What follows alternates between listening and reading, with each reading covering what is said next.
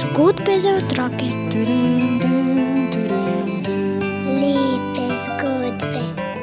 Šmarnice za otroke. Aco Jerant, svetniki so bili čisto nenavadni ljudje.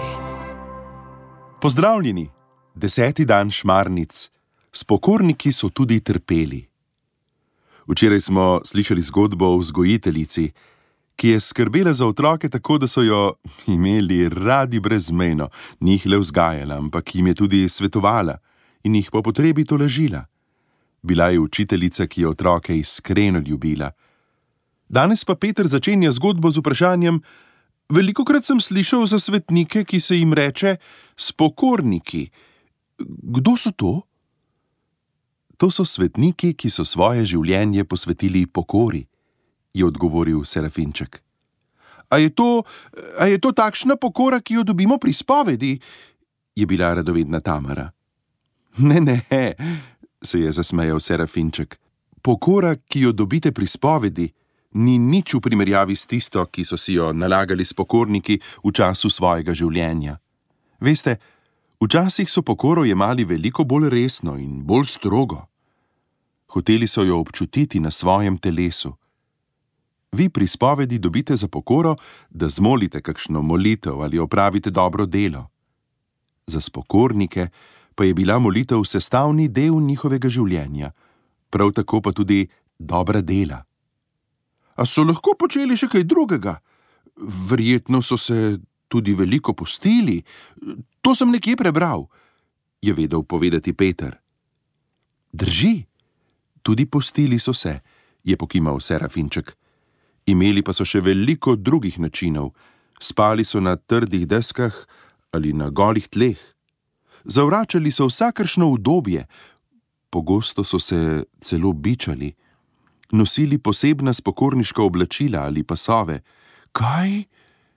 Bičali so se, se je čudila Tamara. To pomeni, da so pretepali sami sebe.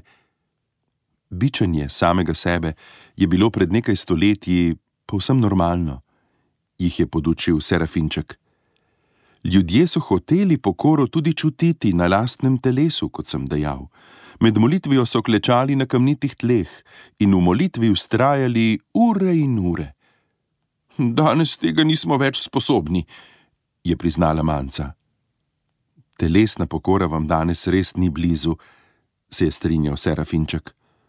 Pa nam predstavi kakšnega takšnega svetnika, je Peter izval Serafinčka.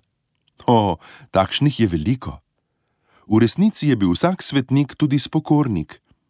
Poznamo pa tudi svetnike in svetnice, ki so se spreobrnili od svojega grešnega življenja. Spoznali so zablodo, ko so hlepeli po telesnih užitkih, kot se temu reče. Takšna je bila Marjeta iz italijanskega mesta Cortona. Bila je lepo in mlado dekle. Dala se je zapeljati nekemu plemiču in bila njegova ljubica. Nekega dne je plemič odšel od doma, vrnil pa se je le pes, ki je Marjeto peljal na kraj, kjer je bil plemič pokopan.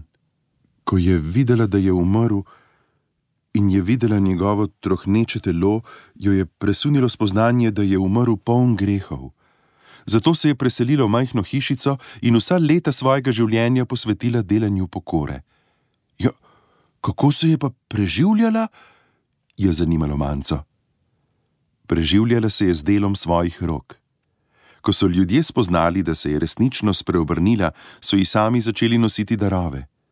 Bila je tako iskrena pri izvrševanju pokore, da je že v času svojega življenja izprosila mnoge čudeže pri Bogu. Neverjetno, a, a tako se je kesala svojih grehov, se je čudila Tamara. Da, tako se je kesala svojih grehov, ki jih je storila vseh letih do svojega spreobrnjenja. Spoznala je, da je Bog prava ljubezen, vse ostalo pa zgolj prevara in laž. V zamaknjenju se je pogovarjala z Jezusom, ki je razodel, da je očiščena grehov. Dejal je celo, da jo je poklical, da bi bila zgled mnogim grešnikom, da bi se spreobrnili in začeli živeti kot ljubljeni božji otroci. Neverjetno, je vzdihnil Peter. če bi se le Jezus tudi z menoj tako pogovoril. Sej se, sej se pogovarja, le slišati ga moraš, se mu je nasmehnil Serafinček. In tudi danes šmarnice končajmo z nalogo. Za nekaj dni se odpovej razvadi, ki ti vzame veliko časa.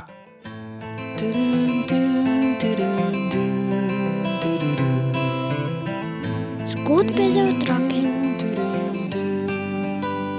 Lepe zgodbe.